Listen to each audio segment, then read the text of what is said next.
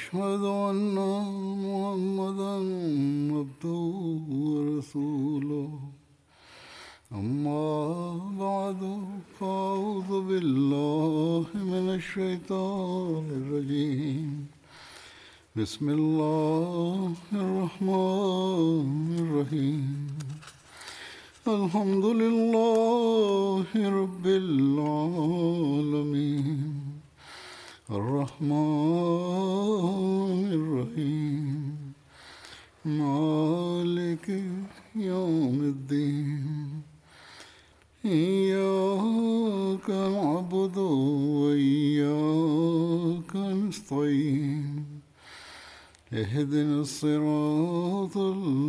المستقيم صراط الذين أنعمت عليهم غير المغضوب عليهم ولا الضالين. قد بدأت أتناول ما بقي من ذكر أصحاب بدر الذين كنت ذكرتهم سابقا. واليوم أيضا سأتناول الموضوع نفسه.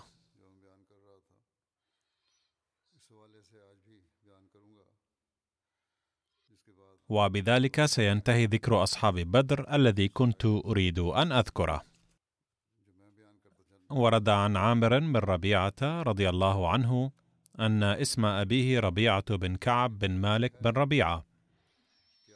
له بعض الروايات أيضا. فلقد روى عن أمه أم عبد الله بنت أبي حثمة قالت والله إنه لنرتحل إلى أرض الحبشة وقد ذهب عامر في بعض حاجتنا إذ أقبل عمر حتى وقف علي وهو على شركه. قالت وكنا نلقى منه البلاء أذى لنا وشرا علينا. فقالت فقال عمر إنه لانطلاق يا أم عبد الله قالت قلت نعم والله لنخرجن في أرض الله. آذيتمونا وقهرتمونا حتى يجعل الله لنا مخرجا. قالت فقال عمر صحبكم الله ورأيت له رقة لم أكن أراها. ثم انصرف وقد أحزنه فيما أرى خروجنا. قالت فجاء عامر من حاجتنا تلك فقلت له يا أبا عبد الله لو رأيت عمر انفا ورقته وحزنه علينا قال أطمعت في إسلامه؟ قالت قلت نعم. قال لا يسلم الذي رأيت حتى يسلم حمار الخطاب. أي لا يمكن أن يسلم عمر. قالت ياسا لما كان يرى من غلظته وقسوته عن الإسلام. فضائل الصحابة للإمام أحمد بن حنبل والسيرة النبوية لابن هشام.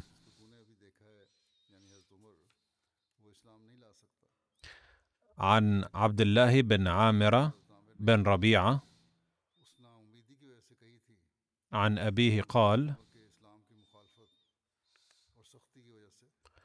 بعثنا رسول الله صلى الله عليه وسلم في سرية نخلة وهي تسمى سرية عبد الله بن جحش أيضا.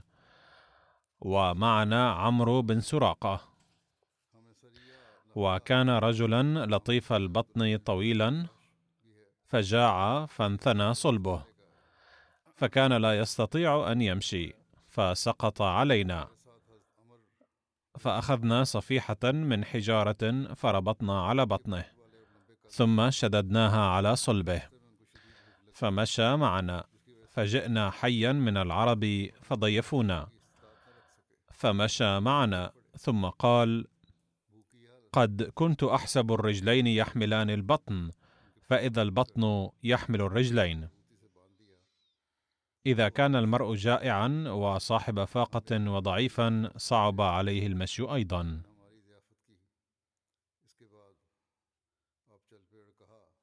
عن أبي أمامة حدث أن سهلا وعامر بن ربيعة قال لهما رسول الله صلى الله عليه وسلم أخرج يا سهل بن حنيف ويا عامر بن ربيعة حتى تكونوا لنا عينا. شارك عامر بن ربيعة في غزوة ذات السلاسل فأصيب ذراعه من سهم.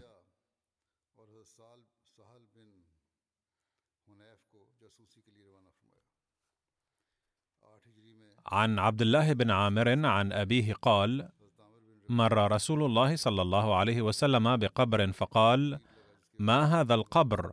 قالوا قبر فلانة. قال أفلا آذنتموني؟ قالوا كنت نائما فكرهنا أن نوقظك.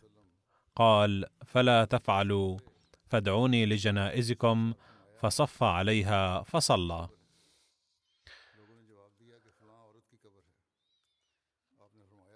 عن عبد الله بن عامر عن أبيه رضي الله عنه قال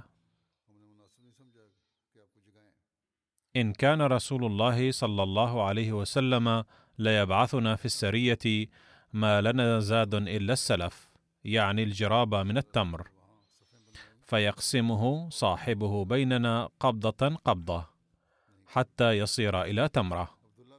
قال فقلت وما كان يبلغ من التمرة؟ قال لا تقل ذلك يا بني ولا بعد أن فقدناها فاختلطنا إليها.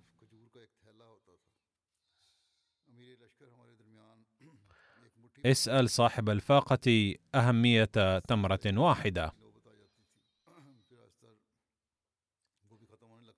عندما طرد عمر رضي الله عنه اليهود من منطقة خيبر في عهد خلافته قسم أراضي وادي قرى بين الناس منهم عامر بن ربيعة.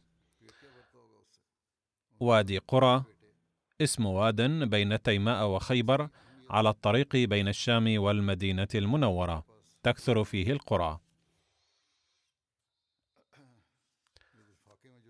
لما قدم عمر الجابية قرية في ريف دمشق كان عامر صاحبه وفي رواية كانت راية عامر مع عامر بن ربيعة.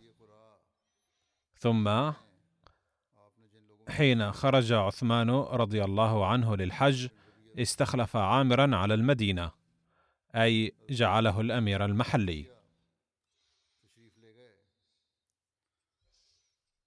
هناك اختلاف في عام وفاته قيل أنه توفي في عهد عثمان وقيل توفي في سنة اثنتين وثلاثين وقيل ثلاث وثلاثين وقيل ست وثلاثين وقيل سبع وثلاثين. وقال ابن عساكر أن رواية اثنتين وثلاثين أثبت. وكذلك ورد في رواية عن وفاة عامر بن ربيعة أن موته كان بعد مقتل عثمان رضي الله عنه بأيام وكان قد لزم بيته فلم يشعر الناس إلا بجنازته قد أخرجت. عن عبد الله بن عامر بن ربيعة عن أبيه أن رجلا من بني فزارة تزوج امرأة على نعلين فأجاز النبي صلى الله عليه وسلم نكاحه. أي قرر مهرا بسيطا جدا وهذا أيضا يجوز. قال عبد الله بن عامر بن ربيعة أن أباه أخبره أنه رأى النبي صلى الله عليه وسلم السبحة بالليل في السفر على ظهر راحلته حيث توجهت به. أي يجوز في السفر أن يصلي المرء متوجها إلى حيث توجه مركبه. قال عامر بن ربيعة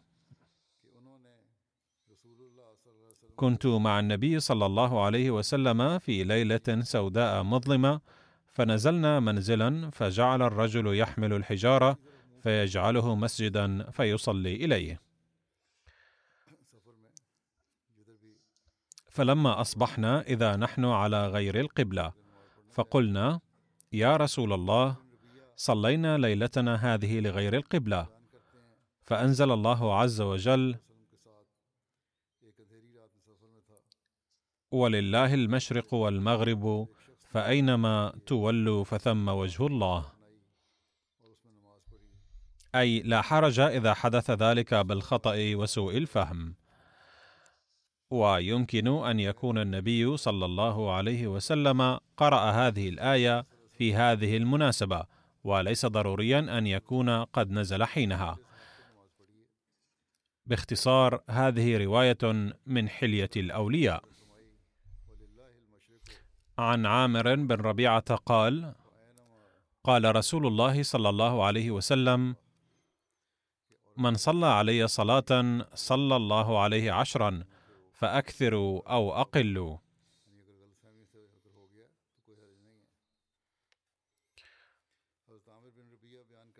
وفي رواية أخرى قال عامر بن ربيعة ما من عبد يصلي علي إلا صلت عليه الملائكة ما دام يصلي فليقل العبد أو فليكثر.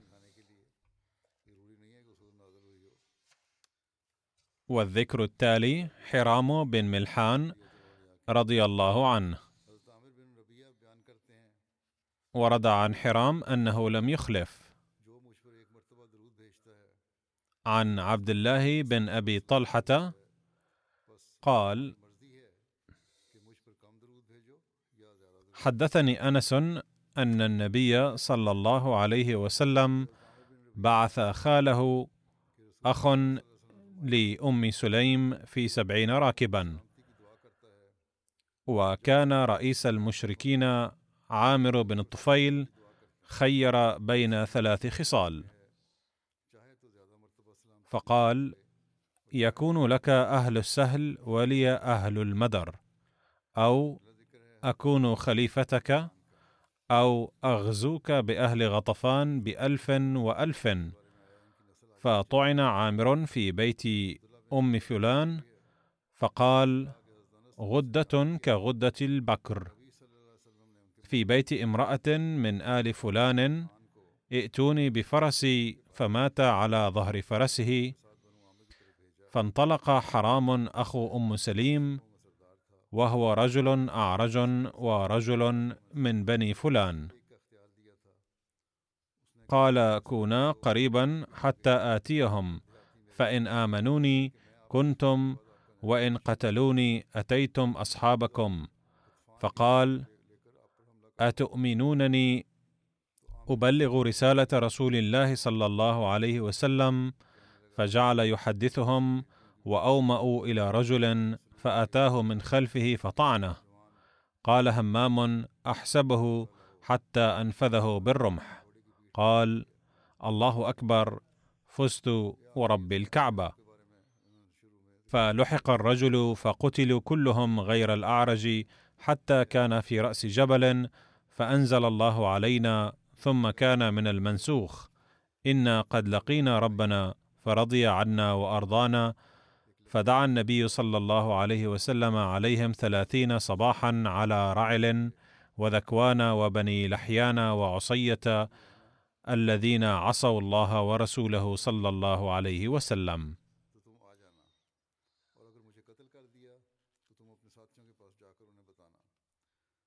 هذا ما ورد في صحيح البخاري وفي رواية أخرى من البخاري ورد أنه طعن بالحربه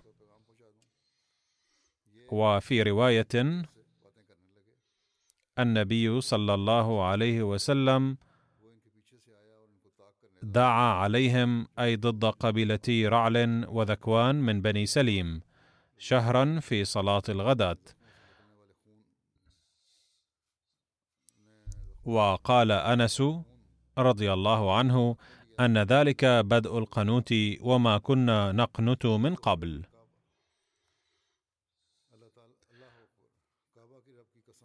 يقول سيدنا المصلح الموعود رضي الله عنه سردا لحدث استشهاد الحفاظ وانطلاقا من حماس الصحابة إلى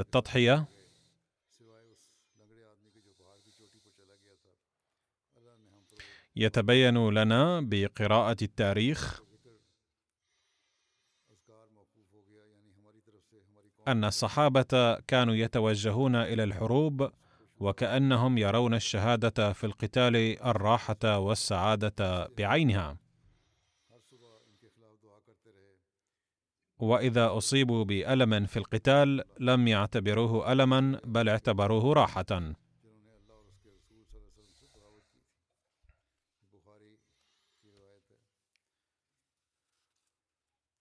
نجد في التاريخ مثل هذه أحداث الصحابة بكثرة التي تفيد أنهم رأوا عين راحتهم أن يقتلوا في سبيل الله. فمثلا أولئك الحفاظ الذين بعثهم النبي صلى الله عليه وسلم إلى قبيلة في وسط العرب لتبليغ الإسلام. كان منهم حرام بن ملحان أيضا الذي ذهب برسالة الإسلام إلى عامر بن طفيل سيد بني عامر. وتخلف عنه بقية أصحابه. فرحب به عامر بن الطفيل وأفراد قبيلته في البداية بالنفاق. لكنه حين جلس مطمئنا وبدأ يبلغهم الإسلام أومأ بعض الأشرار إلى خبيث فطعن حرام بن ملحان من الخلف برمح فسقط وجرى على لسانه فورا من تلقاء نفسه الله أكبر فزت ورب الكعبة. ثم حاصر أولئك الأشرار بقية الصحابة وهاجموهم. ويقول قاتل عتيق سيدنا أبي بكر عامر بن فهيرة الذي كان مع النبي صلى الله عليه وسلم في سفر الهجرة. وهذا القاتل قد أسلم فيما بعد. وهو قد ذكر أن سبب إسلامه حصرا أنه حين قتل عامر بن فهيرة جرى على لسانه تلقائيا فزت والله. فهذه الأحداث تفصح أن الموت كان يجلب للصحابة الفرحة بدلا من الحزن. ثم يقول سيدنا المصلح الموعود إن اشخاصا من النجد جاءوا إلى النبي صلى الله عليه وسلم لكنني أترك هذا وأتناول ما كتبه سيدنا ميرزا بشير أحمد رضي الله عنه عن هذا الحدث وهو مفصل نوعا ما. فقد كتب جاء النبي صلى الله عليه وسلم أبو البراء العامري وهو رئيس بني عامر في وسط العرب قصد الزيارة. فعرض عليه رسول الله صلى الله عليه وسلم الإسلام بلطف ورفق. فسمع الدعوة في الظاهر بشوق ولم يسلم. ثم قال للنبي صلى الله عليه وسلم يا محمد إذا بعثت معي رجالا من أصحابك إلى أهل نجد يدعونهم إلى الإسلام فأرجو أنهم لن يردوا دعوتك. فقال صلى الله عليه وسلم أنا لا أثق بأهل نجد.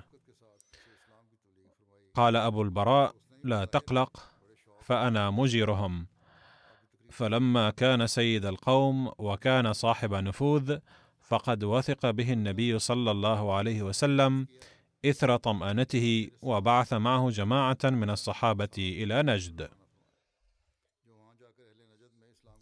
إن هذه الرواية من التاريخ بينما ورد في رواية البخاري أن النبي صلى الله عليه وسلم أتاه رجال من رعل وذكوان من بني سليم وغيرهما من القبائل فزعموا أنهم قد أسلموا واستمدوه على قومهم المعارضين للإسلام ولم يذكروا أي نوع من المدد يريدون أيريدون كتيبة للدفاع أو من ينشرون الدعوة.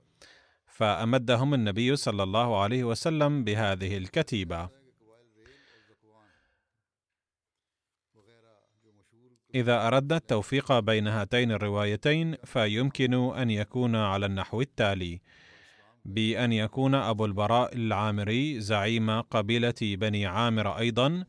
قد جاء مع أناس من رعل وذكوان وهو قد بدأ الحديث مع النبي صلى الله عليه وسلم. نيابة عنهم. فإن قول النبي صلى الله عليه وسلم إني أخاف عليهم من أهل نجد بحسب ما ورد في التاريخ ورد أبي البراء بأنني مجيرهم فلن يتعرض أصحابك لأي أذى منهم يشير إلى أنه قد رافق أبا البراء أناس من رعل وذكوان وكان النبي قلقا بسببهم والله أعلم.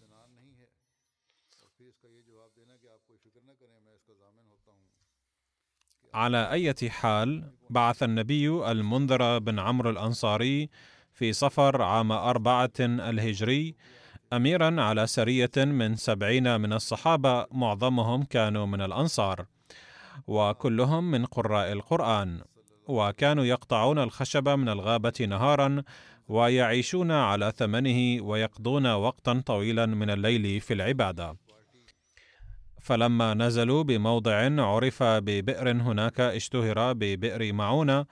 توجه حرام بن ملحان وهو خال سيدنا أنس بن مالك برسالة رسول الله صلى الله عليه وسلم إلى عمرو بن الطفيل رئيس قبيلة بني عامر وهو ابن أخي أبي البراء العامري. وبقي الصحابة الآخرون في مكانهم. فلما أتى حرام بن ملحان بصفته مبعوث النبي صلى الله عليه وسلم إلى عامر بن الطفيل وأصحابه رحبوا به في البداية نفاقا.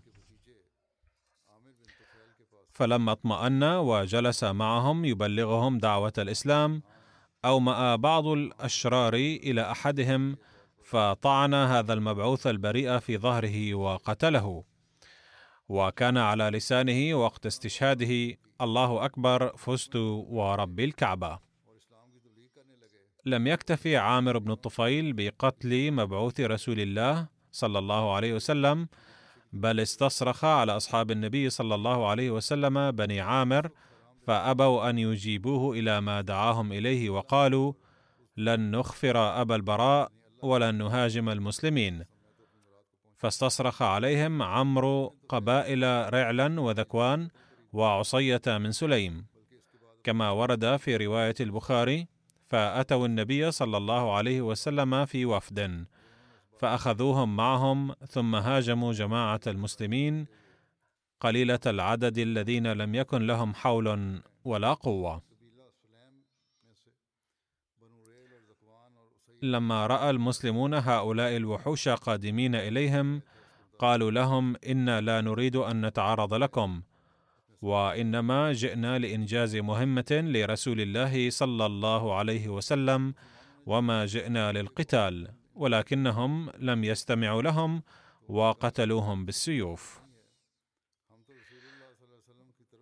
ولم ينجو من هؤلاء الصحابة إلا شخص واحد هو الصحابي كعب بن زيد وكان أعرج فصعد على الجبل وفي بعض الروايات أن الكفار حملوا عليه وجرحوه وتركوه ظنا منهم أنه قد مات ولكن كان به رمق فنجا. وكان هناك صحابيان آخران من هذه الجماعة للصحابة وهما عمرو بن أمية الضمري والمنذر بن محمد وكانا يرعيان الجمال بعيدا عنهم. فلما نظرا من بعيد إلى المكان الذي نزلوا فيه فإذا الطير تحوم على العسكر. وكانا يفهمان الإشارات الصحراوية جيدا فأدركا على الفور أن قتالا قد وقع هناك. فرجعا فرأيا المجزرة التي نفذها الكافرون الظالمون. فبعد رؤية المشهد من بعيد تشاورا فيما بينهما. فقال أحدهما أرى أن نلحق بالمدينة لنخبر النبي صلى الله عليه وسلم الخبر.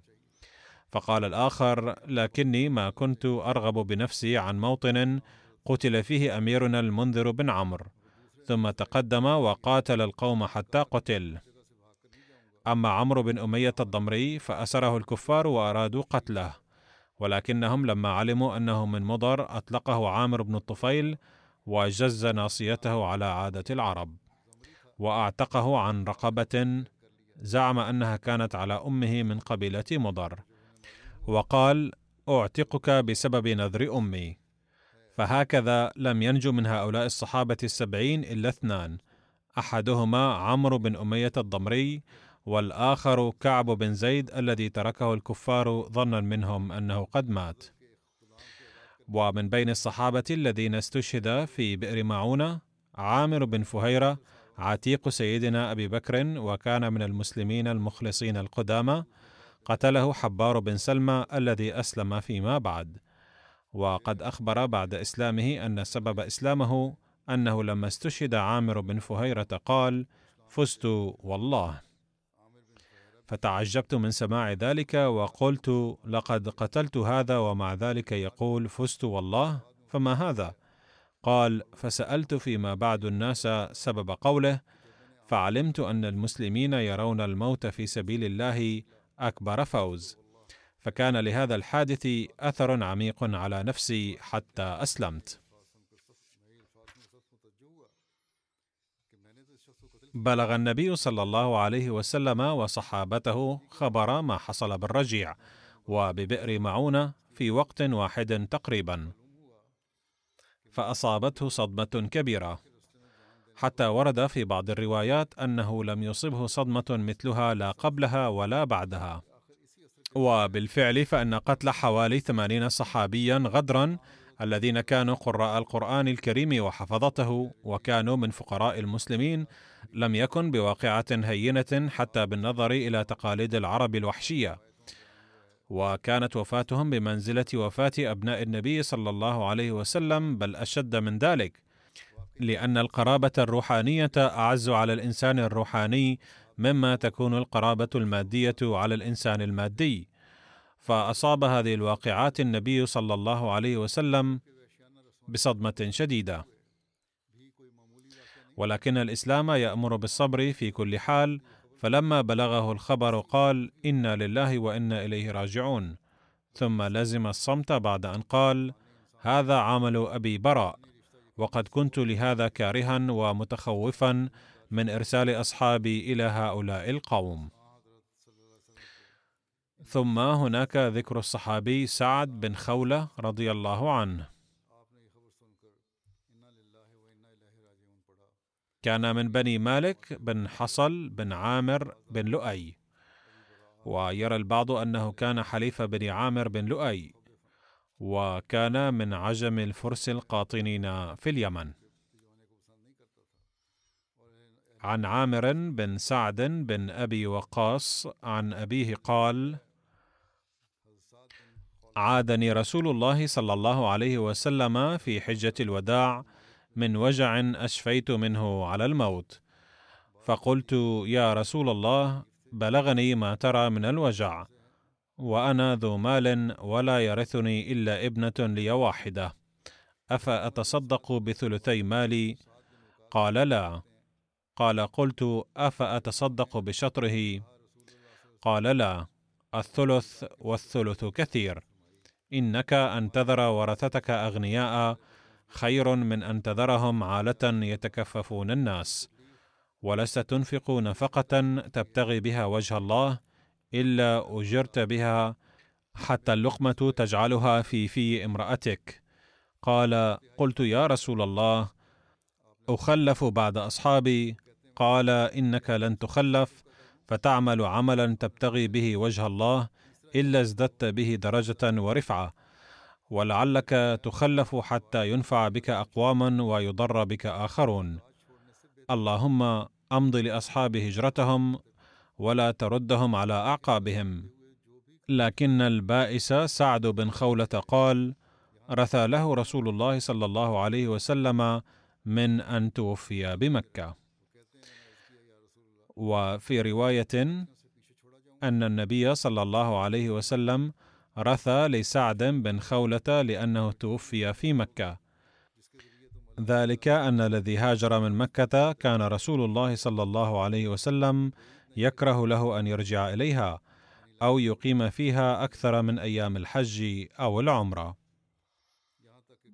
وروى إسماعيل بن محمد بن سعد أن النبي صلى الله عليه وسلم أمر السائب بن عمير القاري إن مات سعد بن خولة ألا يقبر بمكة. وفي رواية قال صلى الله عليه وسلم نحو هذا لكن في حق سعد بن أبي وقاص. وفي رواية توفي سعد بن خولة في حجة الوداع وزوجته سبيعة حامل فلم تنشب أن وضعت حملها بعد وفاته. وفي رواية أنها وضعت مولودها بعد وفاته بخمس وعشرين ليلة أو أقل من ذلك. فلما تعلت من نفاسها تجملت للخطاب فدخل عليها أبو السنابل بن بعكك وهو من بني عبد الدار فقال لها ما لي أراك متجملة لعلك ترجين النكاح. إنك والله ما أنت بناكح حتى تمر عليك أربعة أشهر وعشر. قالت سبيعة فلما قال لي ذلك جمعت علي ثيابي حين أمسيت فأتيت رسول الله صلى الله عليه وسلم فسألته عن ذلك فأفتاني بأني قد حللت حين وضعت حملي وأمرني بالتزوج إن بدا لي. وهكذا فإننا نتعلم بعض الأمور الفقهية أيضا.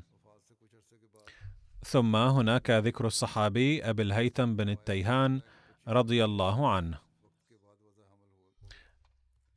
كان له أخ عبيد بن عبيد أو عتيق بن التيهان حضر غزوة أحد. قال أبو الهيثم أنا أول من بايع. فقلت لرسول الله صلى الله عليه وسلم كيف نبايعك يا رسول الله؟ قال بايعوني على ما بايعت عليه بنو إسرائيل موسى.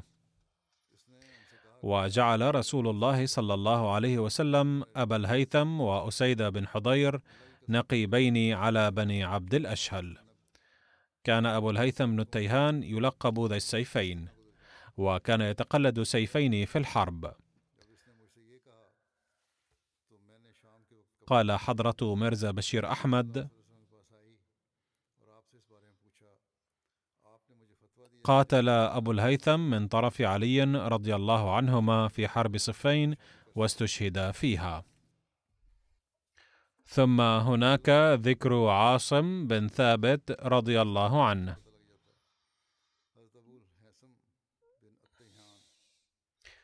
كان اسم أحد أبنائه محمد الذي ولد من بطن هند بن مالك. لقد بين الإمام الرازي في شرح آية عن الذين كانوا قرب النبي صلى الله عليه وسلم في غزوة أحد. وقد ذكر الخليفة الرابع رحمه الله أيضا شارحا الآية نفسها وقال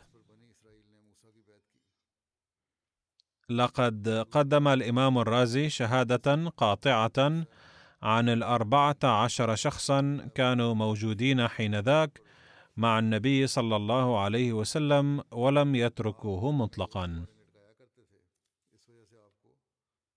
وقد ورد في تلك الأسماء من المهاجرين سيدنا أبو بكر وعلي رضي الله عنهما. يقول الشيعة أيضا إن عليا رضي الله عنه كان موجودا. اذا كان من بينهم أبو بكر علي عبد الرحمن بن عوف سعد بن أبي وقاص طلحة بن عبيد الله أبو عبيدة بن الجراح والزبير بن العوام رضي الله عنهم من المهاجرين ومن الأنصار خباب بن المنذر أبو دجانة عاصم بن ثابت حارث بن صمة رضوان الله عليهم وكذلك وردت أسماء سهل بن حنيف وأسيد بن حضير وسعد بن معاذ رضي الله عنهم أيضا. وقد ورد أيضا أن الثمانية منهم كانوا قد أقسموا على الموت بمن فيهم ثلاثة من المهاجرين وخمسة من الأنصار. والغريب في الأمر أنه لم يقتل منهم أحد فقد حماهم الله بحماية خاصة منه. والذكر التالي هو لسهل بن حنيف الأنصاري.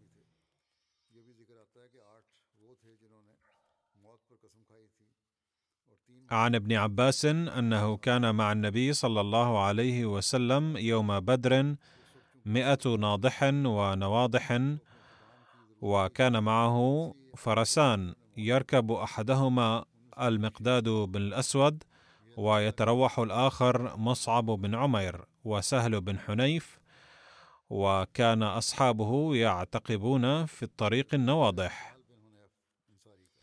فكان رسول الله صلى الله عليه وسلم وعلي ومرثد بن أبي مرثد الغنوي حليف حمزة بن عبد المطلب يعتقبون ناضحا.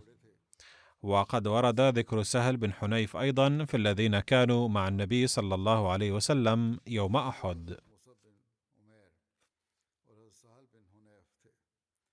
عن يسير بن عمرو قال دخلت على سهل بن حنيف فقلت حدثني ما سمعت من رسول الله صلى الله عليه وسلم قال في الحرورية قال أحدثك ما سمعت لا أزيدك عليه.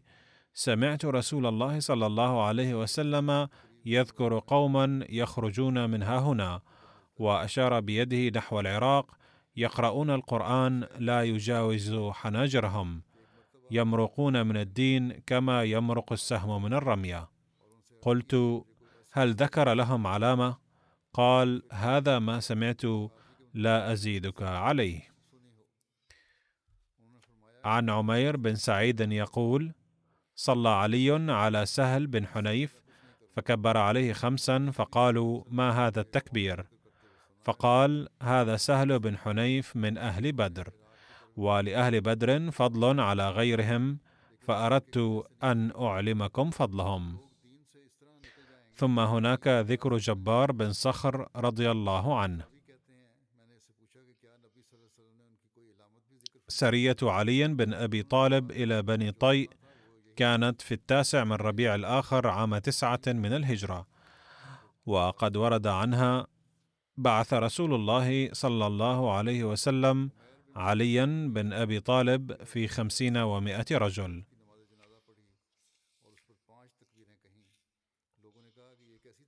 كانت منطقة بني طيء تقع في شمال غرب المدينة.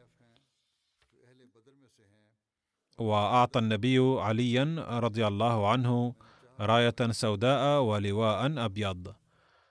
فشنوا الغارة على محلة آل حاتم مع الفجر فهدموا الفلس. ثم عاد علي إلى المدينة مع أموال كثيرة وأسرى من بني طيء. كان اللواء في هذه السرية مع جبار بن صخر رضي الله عنه. في هذه السرية استشار علي رضي الله عنه أصحابه.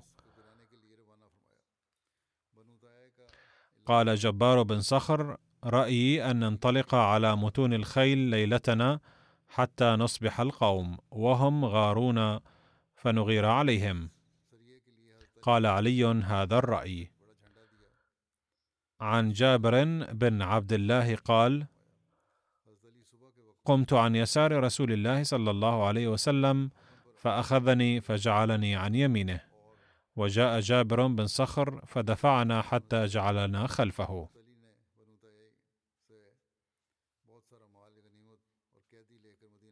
في رواية أن عمرو بن ود قتل عمير بن أبي وقاص وفي رواية أخرى أحسن بن سعيد قتل عمير بن أبي وقاص. إلى هنا انتهى ذكر جبار بن صخر ثم هناك ذكر عمير بن أبي وقاص وقد ورد عنه في رواية أن عمرو بن ود قتله وجاء في رواية أخرى أن أحسن بن سعيد قتله.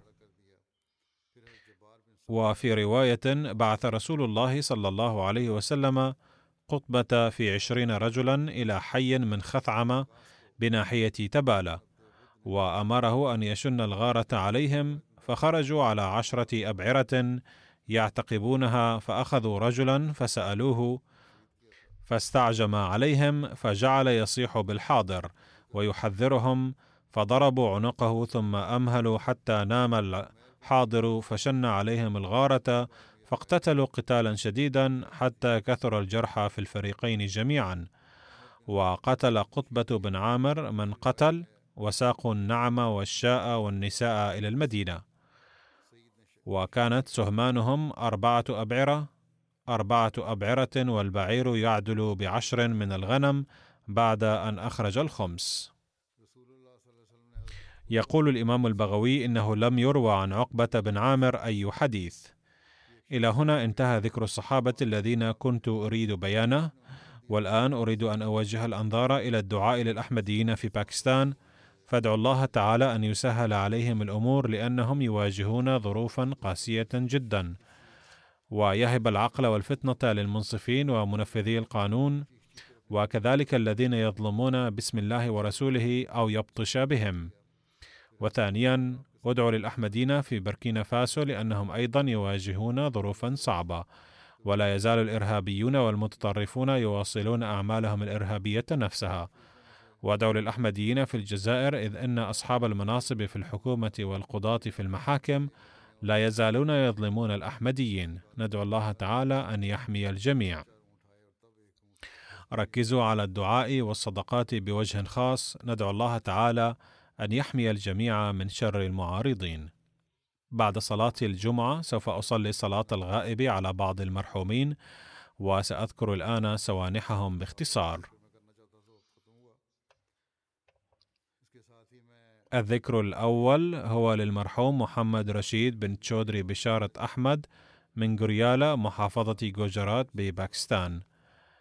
اقتحم بيته اثنان من المعارضين وأطلقا عليه الرصاص وأردوه قتيلا بتاريخ التاسع عشر من فبراير. إنا لله وإنا إليه راجعون. كان عمره يربو على سبعين عاما وقت الشهادة. وبيان ذلك أن الشهيد كان ساكنا وحده في بيته غريال محافظة جوجرات. وكان قد أقام مستوصفا لطب الهوميوباثي لفائدة الناس في منطقته. وكان الناس في المناطق المجاورة يستفيدون منه كثيرا. فجاء شابان محليان بعذر أخذ الدواء ودخلا مستوصفا قائما في بيته وأطلقا عليه الرصاص. قيل إن الذي أطلق الرصاص كان حافظا للقرآن الكريم وتلقى الشهيد رصاصا أطلقه على جبينه ولفظ أنفاسه في الحال.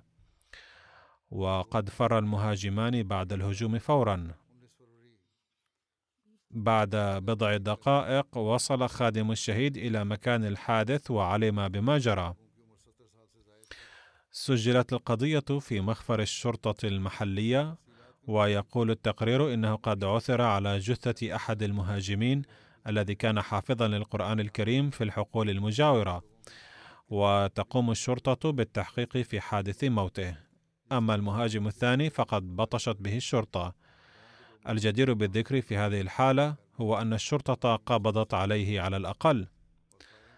لقد دخلت عائلة الشهيد الأحمدية بواسطة منشي سلطان عالم رضي الله عنه الذي كان من صحابة المسيح الموعود عليه السلام وكان يسكن في غوريالا محافظة جوجرات وكان يعمل مدرسا في مدرسة محلية. وسافر من قريته غوريالا محافظة جوجرات إلى قاديان عام 1906 وحظي بالبيعة على يد المسيح الموعود عليه السلام. كان الشهيد محمد رشيد قد التحق بالجيش بعد اجتياز الثانوية ثم ترك الجيش بعد بضع سنوات وانتقل إلى النرويج مع عائلته عام 1984 أو 1985 على الرغم من جنسيته النرويجية عاد إلى قريته الأصلية في باكستان في عام 2008 واعتاد زيارة النرويج بين حين وآخر. بدأ بمستوصف المعالجة بالمثل المجاني بالإضافة إلى الفلاحة في القرية الأصلية لخدمة سكان المنطقة. واستمرت هذه السلسلة حتى آخر حياته. كان الشهيد الراحل بحمد الله منضما إلى نظام الوصية. كان يخدم وقت الاستشهاد بوصف سكرتيرا للإصلاح والإرشاد في منطقة غوتريالا. كان ودودا ومحبا للغاية وكان على علاقة المحبة والصداقة مع الجميع. كانت روح الخدمة بارزة فيه وكان يقدم الدعم المادي والمعنوي للمحتاجين بغض النظر عن انتمائهم الديني. كان يحب الخلافة حبا جما. ضيافة الضيوف كانت سمته البارزة وبالتالي كان في المقدمة دائما لخدمة الضيوف من المركز على وجه الخصوص. كان مواظبا على الصلوات وكان يدأب على إقامة عيادة طبية مجانية في المنطقة بين حين وآخر. يقول ابن أخيه السيد رافع أحمد وهو يخدم كداعية في ساحل العاج كان الشهيد الراحل يملك شخصية محببة للجميع وإلى جانب تحليه بروح خدمة الخلق فقد كان داعيا إلى الله وصالحا ومعيلا للفقراء. لقد جعل الله الشفاء في يديه. كان حريصا جدا على الاستماع إلى خطبة الجمعة بانتظام. وكان يأخذ الحذر والحيطة اللازمة أيضا هناك. منذ فترة رأت زوجة الشهيد الراحل السيدة بروين أختر في النرويج أن الشهيد الراحل قد تعرض للاعتداء وحاول أحدهم قتله. لذلك فقد طلبت منه آنذاك توخي الحذر. لقد ترك الشهيد خلفه زوجته السيدة بروين أختر التي تعيش حاليا في النرويج وابنين وخمس بنات. إحدى بناته تعيش في باكستان أما بقية الأولاد فيعيشون في دول مختلفة. كتب السيد شاهد محمود كالون رئيس المبلغين في النرويج كان المرحوم شخصا متواضعا وبسيطا جدا. ظل يخدم الناس بالعلاج بالمثل في النرويج. ثم بعد التقاعد عاش في قريته في باكستان لحوالي 12 أو 13 عاما حيث كان يخدم الناس. وخلال هذه الفترة اعتاد زيارة النرويج أيضا بين حين وآخر. لقد جعل الله الشفاء في يده وكان دائما على استعداد لمساعدة المرضى لدرجة كان يقوم بالزيارات المنزلية أيضا لإعطاء الدواء. كانت زوجته من أقاربه إلا أنها لم تكن قد بايعت سابقا لكنها لم تعارضه قط. بل زوجت جميع أولادها في بيوت الأحمديين. فلما زار الشهيد النرويج المرة الأخيرة في أكتوبر تشرين الأول 2018 أقنع زوجته بالمبايعة وكان يقول بأنني أتيت لهذا الغرض حتى تبايع زوجتي. وقال لها بأنه يواجه معارضة شديدة في باكستان ويتلقى تهديدات أيضا. ولكن الفقر هناك شديد بحيث لا يستطيع الناس شراء الأدوية. أما بوجودي هناك فيتيسر لهؤلاء الفقراء علاج مجاني وتتم مساعدتهم ولا أخاف من الموت لأنه سيأتي حتما يوما ما. لا يزال الأحمديون يقومون بمواصلة خدمة البشرية وهم يفعلون ذلك بلا أي خوف. غفر الله للشهيد محمد رشيد ورحمه وألهم أهله الصبر والسلوان. الذكر التالي هو لمرحومين اثنين وهما السيدة أماني مجلاوي والعزيز صلاح عبد المعين قطيش من اسكندرون تركيا. كتب السيد صادق رئيس الجماعة هناك لقد توفي اثنان من الأحمديين أيضا في هزتين حدثتا في تركيا في 6 فبراير شباط 2023 أحدهما أم والآخر ابنها. إنا لله وإنا إليه راجعون. أما بقية الأحمديين فقد بقوا محفوظين من دمار الزلزال بشكل عام بفضل الله تعالى. اللهم إلا بعض الإصابات الخفيفة التي تعرض لها البعض. أما المتوفيان فأحدهما السيدة أماني مجلاوي وهي أم أحمدية سورية من جماعتنا في مدينة اسكندرون. كانت زوجة السيد عبد المعين قطيش وكنة السيد صلاح قطيش أبو خالد رئيس الجماعة في اسكندرون. لقد بايعت السيدة أماني مع زوجها قبل شهرين. يقول حموها السيد صلاح قطيش أنه سألها قبل وفاتها بيوم فحسب ما إذا كانت قد أخبرت أهلها عن بيعتها فردت نعم أطلعت والدي على أنني أصبحت أحمدية. يقول السيد صلاح كانت أماني مسرورة على أن والديها لم يبديا ردة فعل شديدة على قبولها الأحمدية ولم يعارضاها. لقد توفي معها ابنها العزيز صلاح الدين البالغ من العمر ثلاث سنوات. إنا لله وإنا إليه راجعون. وكان الاثنان قد وقعا تحت الأنقاض ولم يتم إخراجهما إلا بعد يومين وعند ذلك كان قد توفيا. لقد تركت السيدة أماني خلفها زوجها السيد عبد المعين قطيش وبنتا عبيرة البالغة من العمر ست سنوات. يقول السيد شمس الدين المالباري الداعية الأحمدي في الكبابير لقد هاجرت عائلة السيدة أماني وزوجها عبد المعين قطيش من سوريا ووصلت إلى تركيا. كانت السيدة أماني مخلصة وخدومة وامرأة قانعة. ولما أخبرت عن أهمية البيعة لم تتأخر من اتخاذ خطوة البيعة بل كانت تطمئن زوجها وإخوتها أيضا تجاه هذا الأمر.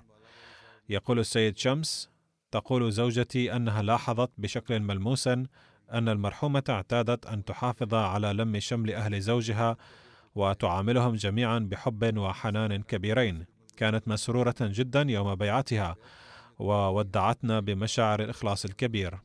غفر الله لها ورحمها. والشخصية الثالثة التي أصلي عليها صلاة الغائب هي داعية الجماعة السيد مقصود أحمد منيب الذي توفي في 15 فبراير شباط الجاري عن عمر يناهز 53 عاما إثر صدمة قلبية. إنا لله وإنا إليه راجعون. كان منضما إلى نظام الوصية بفضل الله تعالى. لقد قبل الأحمدية والده السيد شودري جان محمد في عام 1974 لقد تخرج المرحوم من الجامعة الأحمدية بربوة عام 1991 بعد أن أحرز شهادة المبشر ثم خدم الجماعة في مدن باكستان المختلفة بإشراف نظارة الإصلاح والإرشاد المركزية. وفق للخدمة في كينيا شرق إفريقيا من عام 1998 إلى 2006 ثم رجع إلى باكستان وكان يخدم الجماعة حاليا كرئيس المبشرين في محافظة كويتا. لقد ترك خلفه إضافة إلى زوجته ابنا وبنتين. لقد كتب عنه ناظر الإصلاح والإرشاد أيضا أنه كان مخلصا وكان داعية يعمل بأمانة واجتهاد كبيرين. يقول السيد عبد الوكيل داعية الجماعة في كويتا كان المرحوم يكن للواقفين احتراما كبيرا وكان يسألني دوما ما لا يعرفه دون أي تردد مع كوني أصغر منه كثيرا في العمر لقد قضى الفقيد بعض الوقت في كينيا ولذلك لم تكن تخلو أحاديثه من ذكر كينيا. وكان يبدو أن قلبه قد شغف حبا بكينيا وشعبها. كان يقول في كثير من الأحيان إن شعب كينيا متقدمون في الإخلاص ومحبون للغاية. كتب قائد المجلس السيد فريد مبارك أن المرحوم كان ذا شخصية ظريفة وطاهرة وفدائية من أجل الدين، ومضحية بنفسها من أجل الجماعة، ومحبة للخلافة حبا لا حدود له. يقول: عندما علمت بتعيين داعية كبير وقديم هنا في كويتا كنت سعيدا جدا لأن الجماعة في كويتا كانت بحاجة إليه. يقول إنه قد أسر قلبي في اللقاء الأول معه، ثم لما ألقى خطبته الأولى في مسجد الجماعة في محافظة كويتا أثنى عليه كل من سمعها. كان مضيافا يدعو الجميع إلى بيته ثم كان يخدمه أيما خدمة. كان يظهر من عينيه ما يكنه في قلبه من لوعة من أجل الجماعة. فلما كان يخطب بيننا كان يلقي كلماته بحماس ونشاط عجيب يجعل عيون السامعين تذرف دموعا من شدة التأثر بها كان يحضر جميع الاجتماعات والجولات وكان يحاول أن يولد في قلب كل من يلتقي به اهتماما كبيرا بالجماعة كان يملك خزينة كبيرة من علوم الجماعة أيضا وكان رجلا متواضعا لدرجة لم أرى في حياتي شخصا متواضعا مثله. ثم يقول كان نور عجيب يعلو وجهه أثناء الجمعة الماضية التي توفي في اليوم التالي منها. فلما نظرت إليه قلت له أمام السيد الناظم العمومي بأنك تبدو جميلا جدا اليوم. ولم نكن نعرف أنها جمعته الأخيرة. لأنه توفي بعدها. غفر له الله تعالى ورحمه ورفع درجاته. سأصلي بإذن الله صلاة الغائب.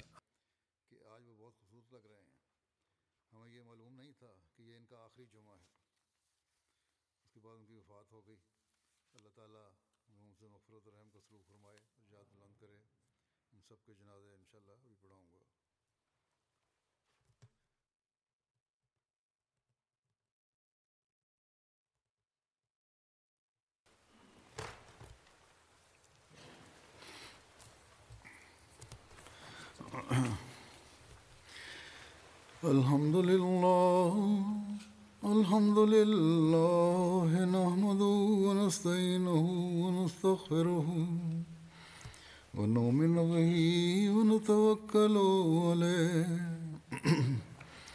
ونعوذ بالله من شرور أنفسنا ومن سيئات أعمالنا. من يهده الله فلا مضل له ومن يضلل فلا هادي له. ونشهد أن لا إله إلا الله ونشهد أن محمدا عبده ورسوله. عباد الله رحمكم الله. إن الله يأمر بالعدل واللسان وإيتاء ذي القربى وينهى عن الفحشاء والمنكر والبغي يعظكم لعلكم تذكرون.